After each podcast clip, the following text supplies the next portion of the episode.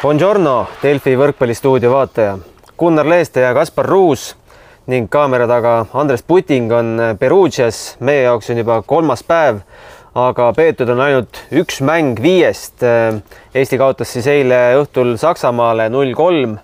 Geimides saime vastavalt kakskümmend kaks, üheksateist ja üheksateist punkti. kui me võrdleme nüüd kahe aasta taguse mänguga Saksamaaga, siis väike edasiminek punktiseisu mõttes on toimunud, aga kuidas see mäng lahti rullus ja mis meil sealt ikkagi näppude vahele jäi, kas üldse, sellest hakkame kohe rääkima. võib-olla Kaspar eile ei saanud sina ühineda meil võrkpallistuudios, äkki räägid põhjustest? ja tere ka minu poolt. no põhjus on lihtne, nagu natuke võib veel kuulda olla. mul oli hääl eile täiesti ära. hommikul ma hommikusöögilauas sosistasin teile. ma loodan, et ma ei tea, kas te ise mind kuulsite aga tänaseks on hääl juba parem, kõvasti kuuma teed aitas ja nüüd olen stuudios kohal. no mis seal salata, esimene päev Itaalia ei kohelnud meid kõige viisakamalt, et või noh, siis lihtsalt halb õnn võib öelda, et oleks peaaegu maganud autos, ütleme nii, aga, aga üks abivalmis pitsakokk, kellele sai telefon ulatatud, päästis meid lageda taeva alla jäämisest. jah, lugu on siis selline, et kui me jõudsime Münchenist äh, millal me Roomas maandusime, umbes kolme paiku. pärast nelja saime oma rendiauto kätte alles. jõudsime kuskil enne kaheksat koondis hotelli, tegime seal veel paar intervjuud. siis läksime, ostsime pitsad lõpuks, mida me ei olnud umbes kümme tundi söönud. ja siis vahepeal selgus, et meie selle väga ägeda koha omanik tegelikult tahtis, oli juba kodus põhimõtteliselt ja meie staap on siis BNP Spring Perugiast. noh tegelikult saab öelda, et Pala Bartonist linnulennu kauguselt, kui Andres suumib äkki selle Pala Bartoni, kus eilne mäng toimus ja kus toimub ka tänane mäng.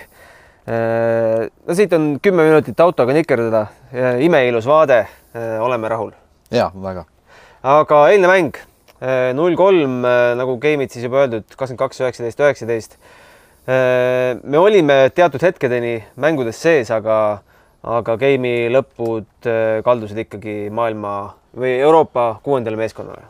ja nii on, no kõige parem oli esimene game, sest et seal läks punkt punkti heitluses päris lõpuni välja, et kui ma õigesti mäletan, äkki kakskümmend kaheksateist, kakskümmend üks, kaheksateist olid esimesed kohad, kus Saksamaa sai oma paaripunktilise edu kätte, me vist juhtisime veel seitseteist, kuusteist äkki.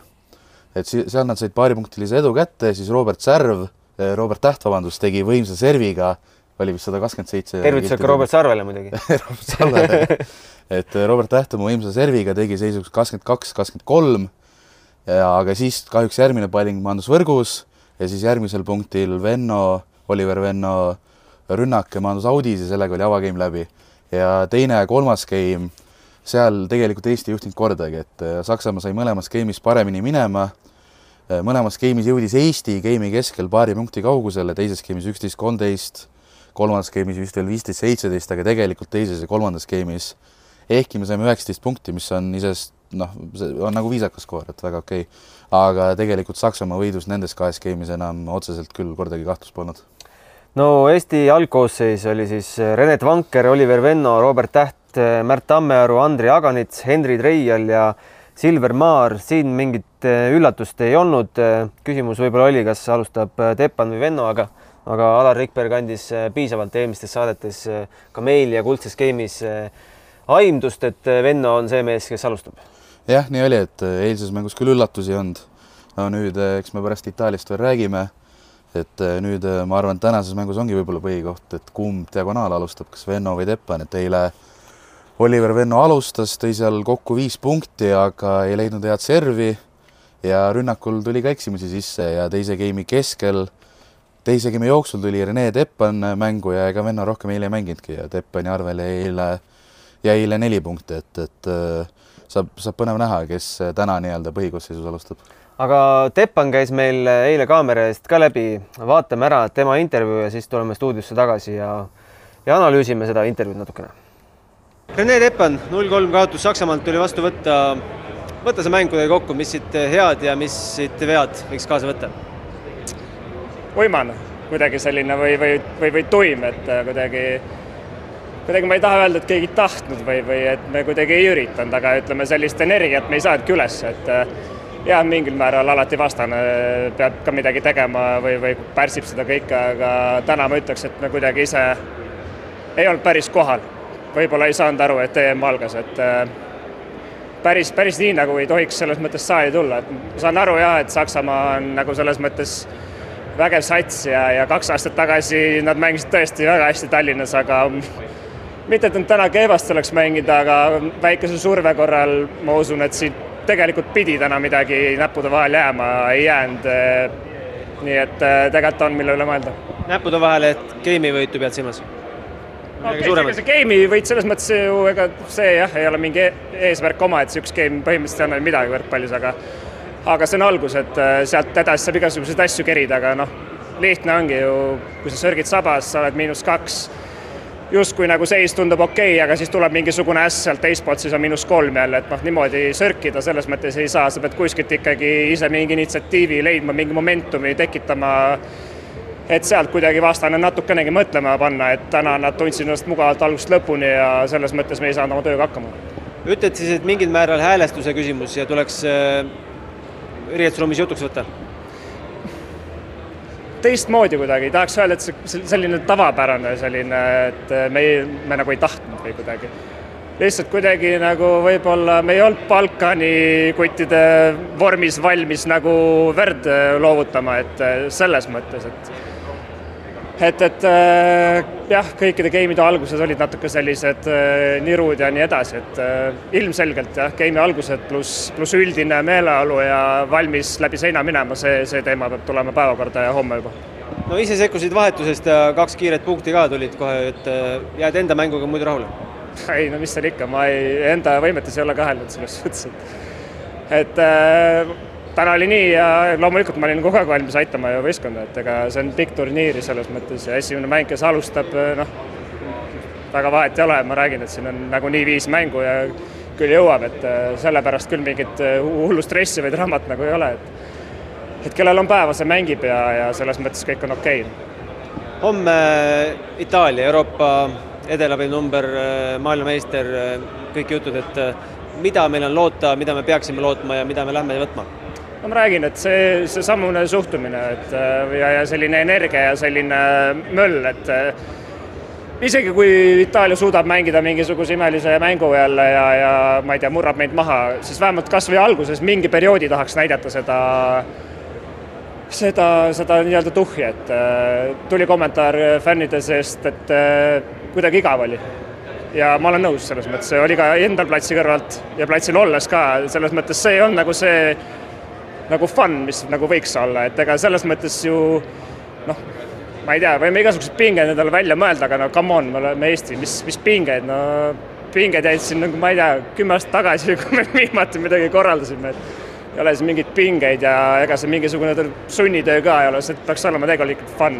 et me võiks fun ida natuke et selle fänniarmeele võiks midagi üht-teist tõestada, et päris korralik seltskond on siia kohale tulnud? jaa, absoluutselt ja ma kuulsin, et Anconasse lisandub neid veel, nii et äh, loomulikult, ega fännidele, iseendale ka eelkõige ikkagi, et äh, et äh, võiks nautida, nautida ja möllata.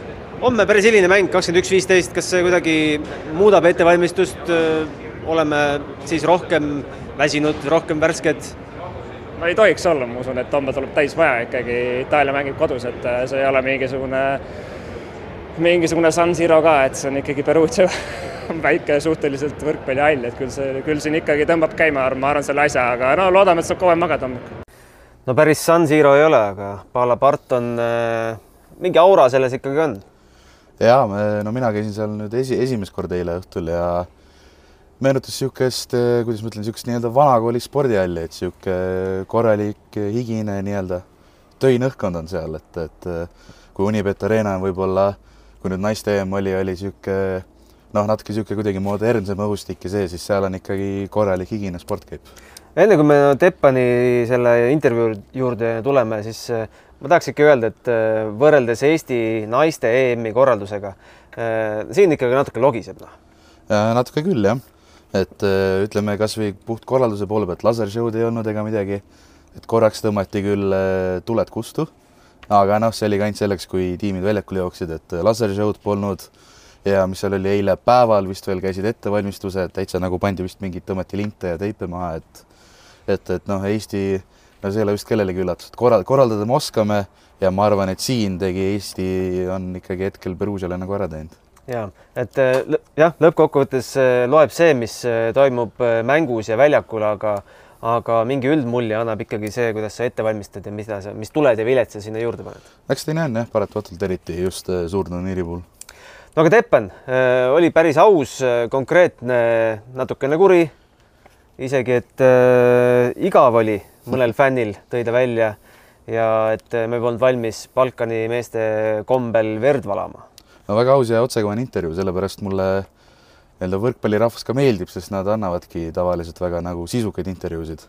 ja, ja no eks ta natuke nii oli jah, et ütleme, kui avageim, no nagu mainitud, oli ju üsna lõpuni tasavägine, aga siis kuidagi, kuidagi minu arust teatud pinge kadus nagu ära mängust. et, et Saksamaa nagu noh, nad ei pidanud kordagi stressama ja, ja ma ei tea, oli see, kas see oli niisugune avamängu nii-öelda rabedus, et ei olnud seda nagu Teppan välja tõi, et noh, vereni välja, aga aga midagi natuke puudu. Ja ma rääkisin Märt Tammaruga pärast, meie siis nurgaründajaga pärast mängu ja ta ütles, ta ütles ka, et ta ei arvanud, et see mingi klassivahe nagu maksmusele läks, et ta arvaski, et lihtsalt jäigi, ta ei osanudki täpselt öelda, mis, aga midagi ei puudu, et tegelikult Eestil olid kogu aeg võimalused, aga kuidagi ei kasutatud ära ja oldigi kuidagi tagajärrollis, et jah. aga noh, täna, täna tuleb Itaalia, mis on noh, kõige kõvem pähkel üldse, mis praegu vastu tulla saab, et eks vaatame, mis sealt tuleb no kõige resultatiivsem oli meil ikkagi Robert Täht äh, üheteist punktiga, Andrei Aganits lisas seitse. Äh, kuus vist.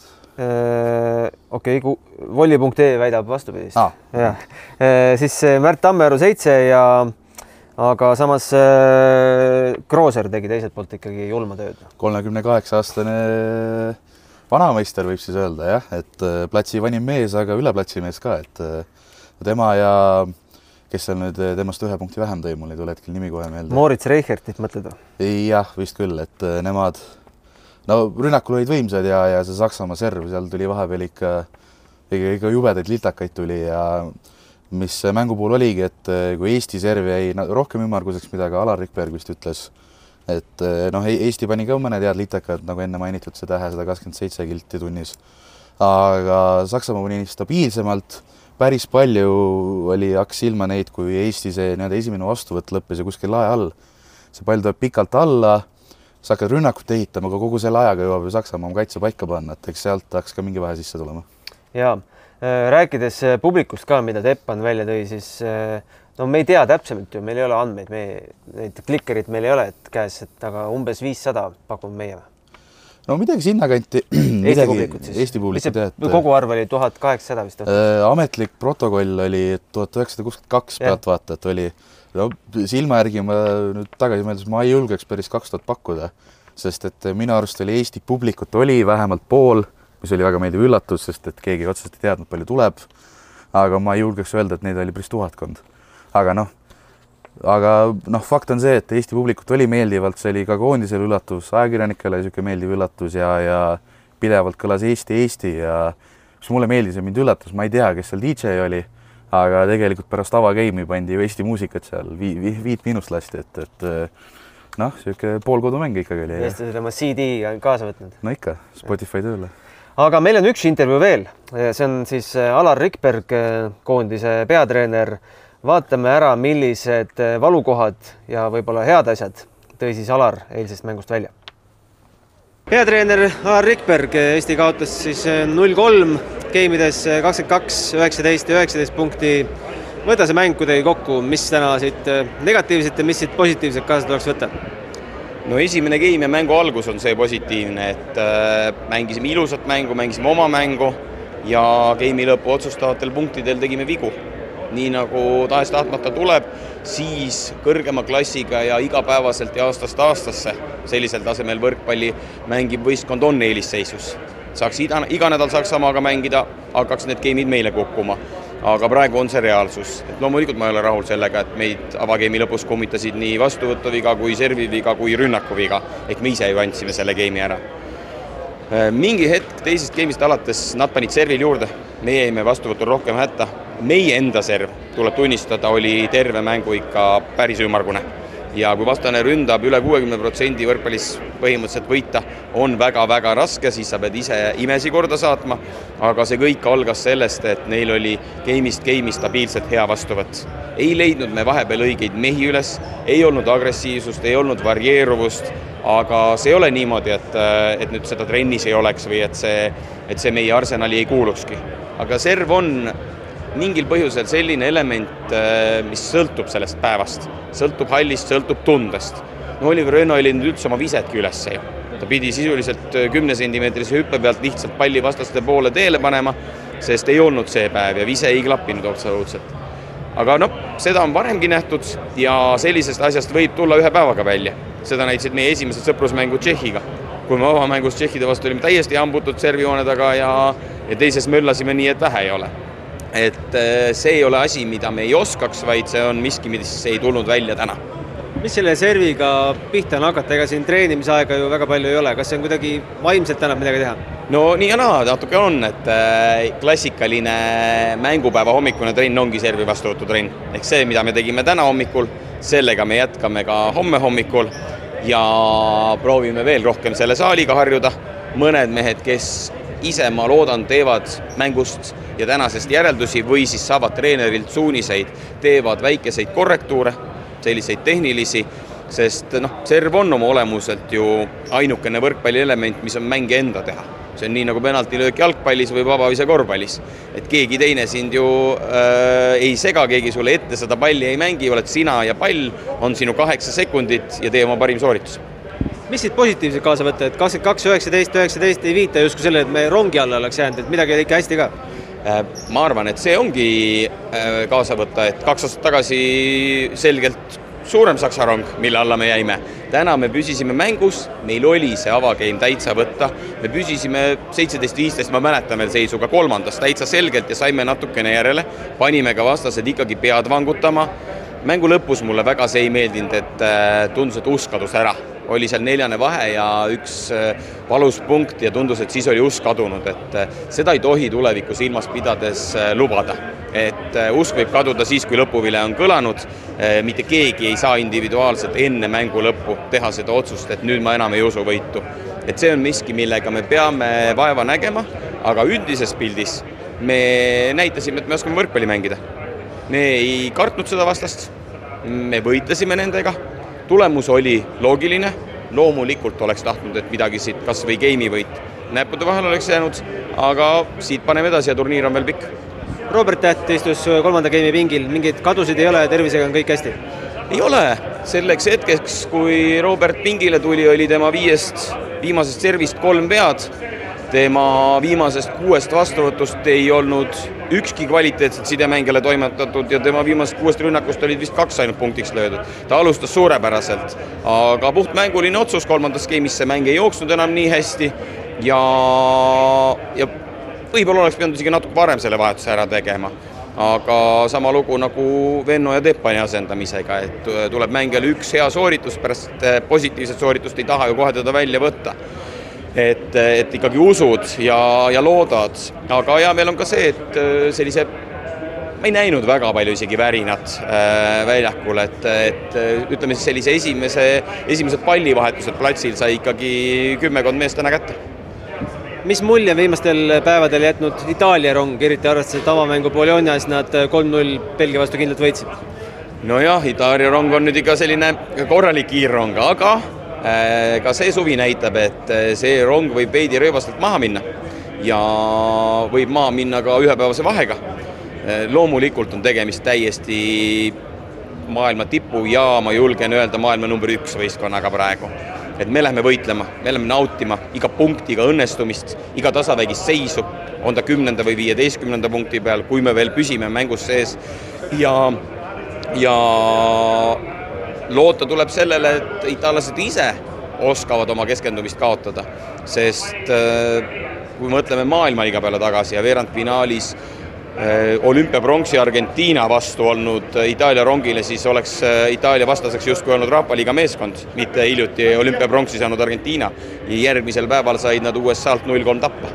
et spordis on asjad võimalikud, ka Itaaliat on võimalik väärata ja on võimalik, et neil ei ole selline päev, noh muidugi avamäng Belgiaga näit-, näitas täielikku keskendumist, nad mängivad kodupubliku ees, ma arvan, et see on puhas äh, nautimise koht, naudime seda, et meil on nii meeldivalt palju Eesti fänne kohal ja samamoodi kindlasti väga palju televaatajaid, kes meie mänge jälgivad. Ja naudime kõiki neid Itaalia fänne ja seda suurepärast show'd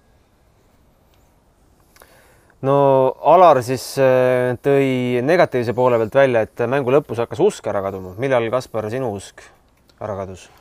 Äh, no kui rääkida, ütleme mängu võitmise usust, siis ma arvan, see noh, teise game'iga oli täiesti läinud, et noh, Saksamaa vastu null kahe pealt no ei näe üldse varianti välja tulla.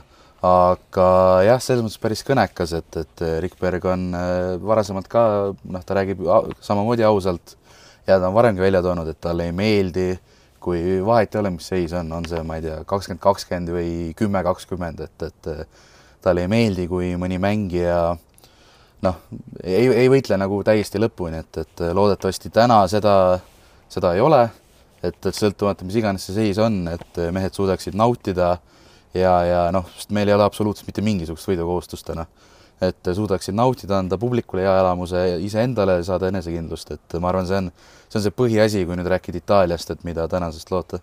mis mulle jäi nagu sisetas positiivsust sellest intervjuust, et on üks asi, mida me saame ise juurde panna ja see on serv, mis ei sõltu ju vastasest, vaid nagu ta ütles, on sinu kaheksa sekundit ja sinu sooritus.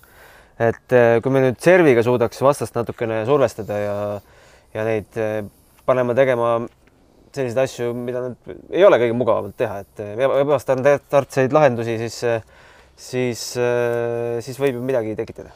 no siis saab vähemalt mängus püsida, mis on no Itaalia, noh, no tõesti maailma valitseja praegu, et nende vastu oleks see juba okei okay. ja, ja loodame, et serv ja noh, ütleme Venno, nagu Rikberg ka mainis, et ei leidnud nagu viset servile, et noh, loodame, et täna on see parem ja et äh, jah, sest serv on, nagu Rikberg ütles ju, ainus asi, noh, kus keegi nagu sind ei sega, aga eks see ilmselt hakkab seal ka mängima kogu see noh, nii-öelda natuke ka see vaimne pool, et, et noh, füüsiliselt on kõik siin vormis terved, aga noh, kuidas parasjagu, ma ei tea, enesekindlust on või midagi, et no eks, eks paista, mis meil täna hilisõhtul tuleb. mis pildi me saime ette Robert Tähe vormist?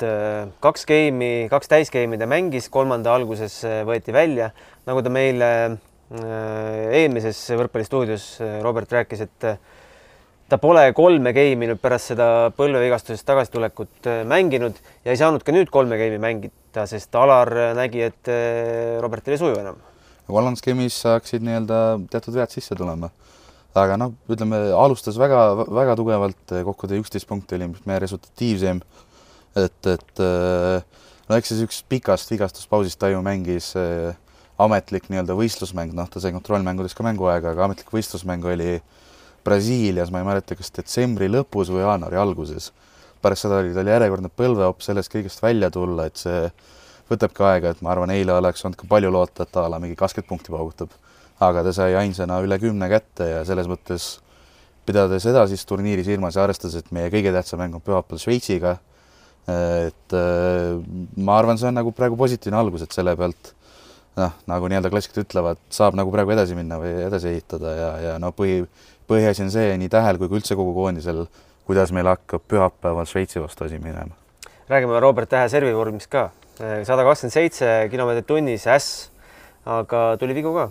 tuli vigu ka, sada kakskümmend seitse, ma vist peaks olema vist Eesti nii-öelda koondise rekord, et see enne oli ka Tähe nimel, ametlikult oli vist äkki sada kakskümmend kolm kilti ja treeningul vist sada kakskümmend viis kilti, et aga vigu tuli ka sisse jah, ma ei mäleta, palju need Eesti, Eesti tegi vist tegelikult servi vigu vähem äkki isegi.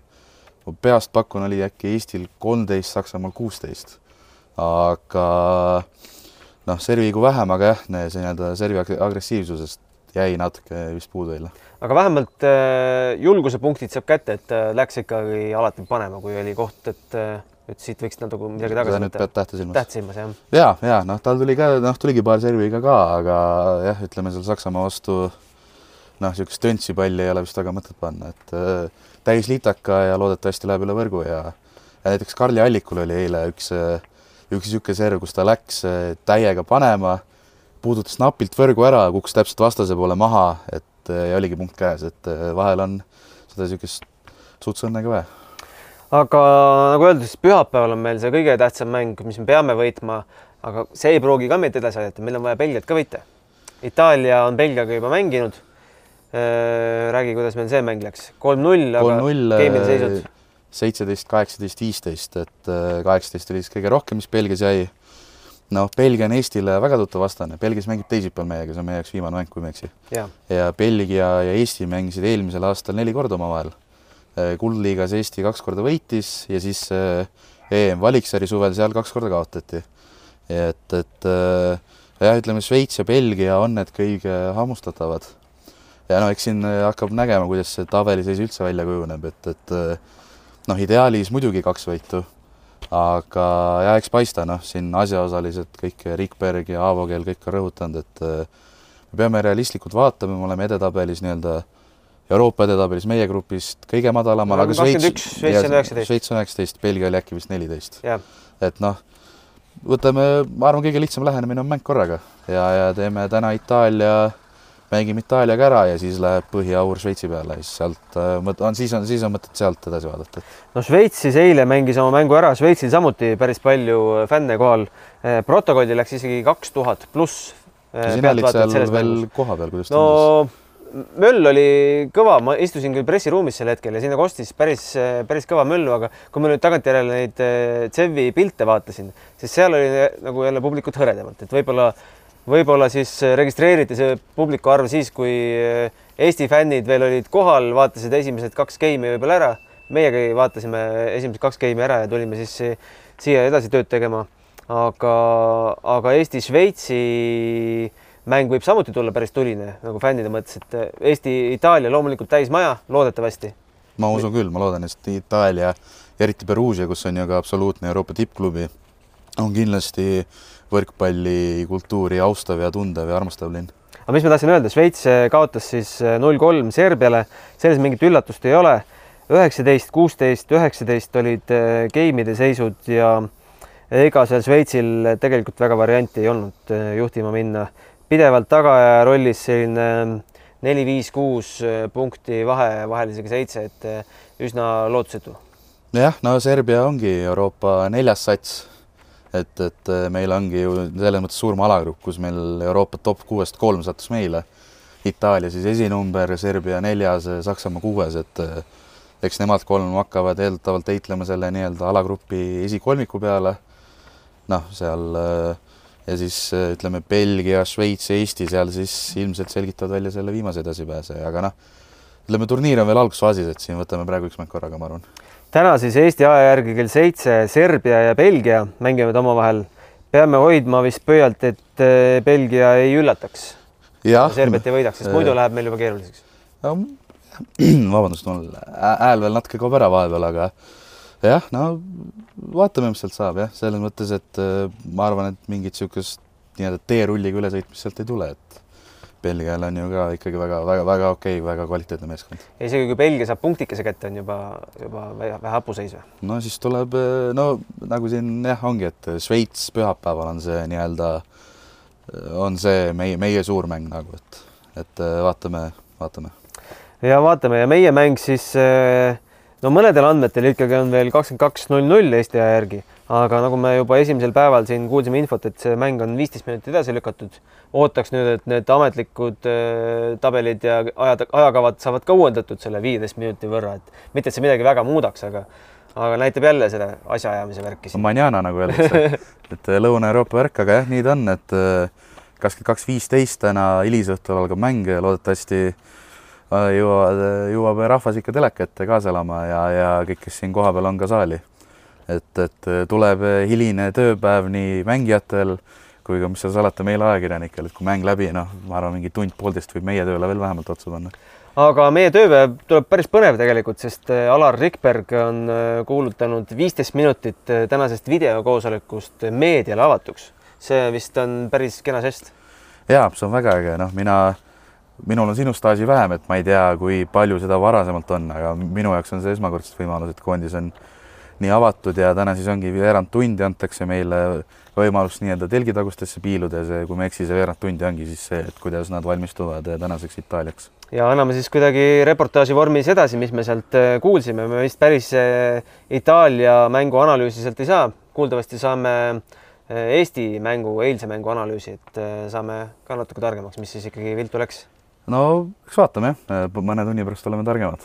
ja plaan on külastada ka Eesti fännide baasi, ka umbes käega osutatud suunas sinnapoole, teisele poole mägedesse, aga ja siis õhtul põhimäng, et katsume kuidagi püsti püsida. no mis seal ikka, Red Bull sisse ja läheb. jah, Red Bull sisse ja läheb, aga soovitame siiski piirduda vee ja ja ei, absoluutselt, absoluutselt ja kuuma teega. ja kuuma teega. aitab häälele. Aitäh praegu äh, vaatamast. Äh, järgmine võrkpallistuudio juba järgmistel päevadel. räägime Itaalia mängust ja vaatame ette juba vaikselt äh, Ancona matšidele, et sest tegelikult Perugias saavad meil mängud täna juba otsa. jah, nii ta on, et tänaseks saavad meie jaoks läbi nüüd reede-laupäev on puhkepäevad, kui ma ei eksi, siis koondis läheb vist laupäeval Anconasse.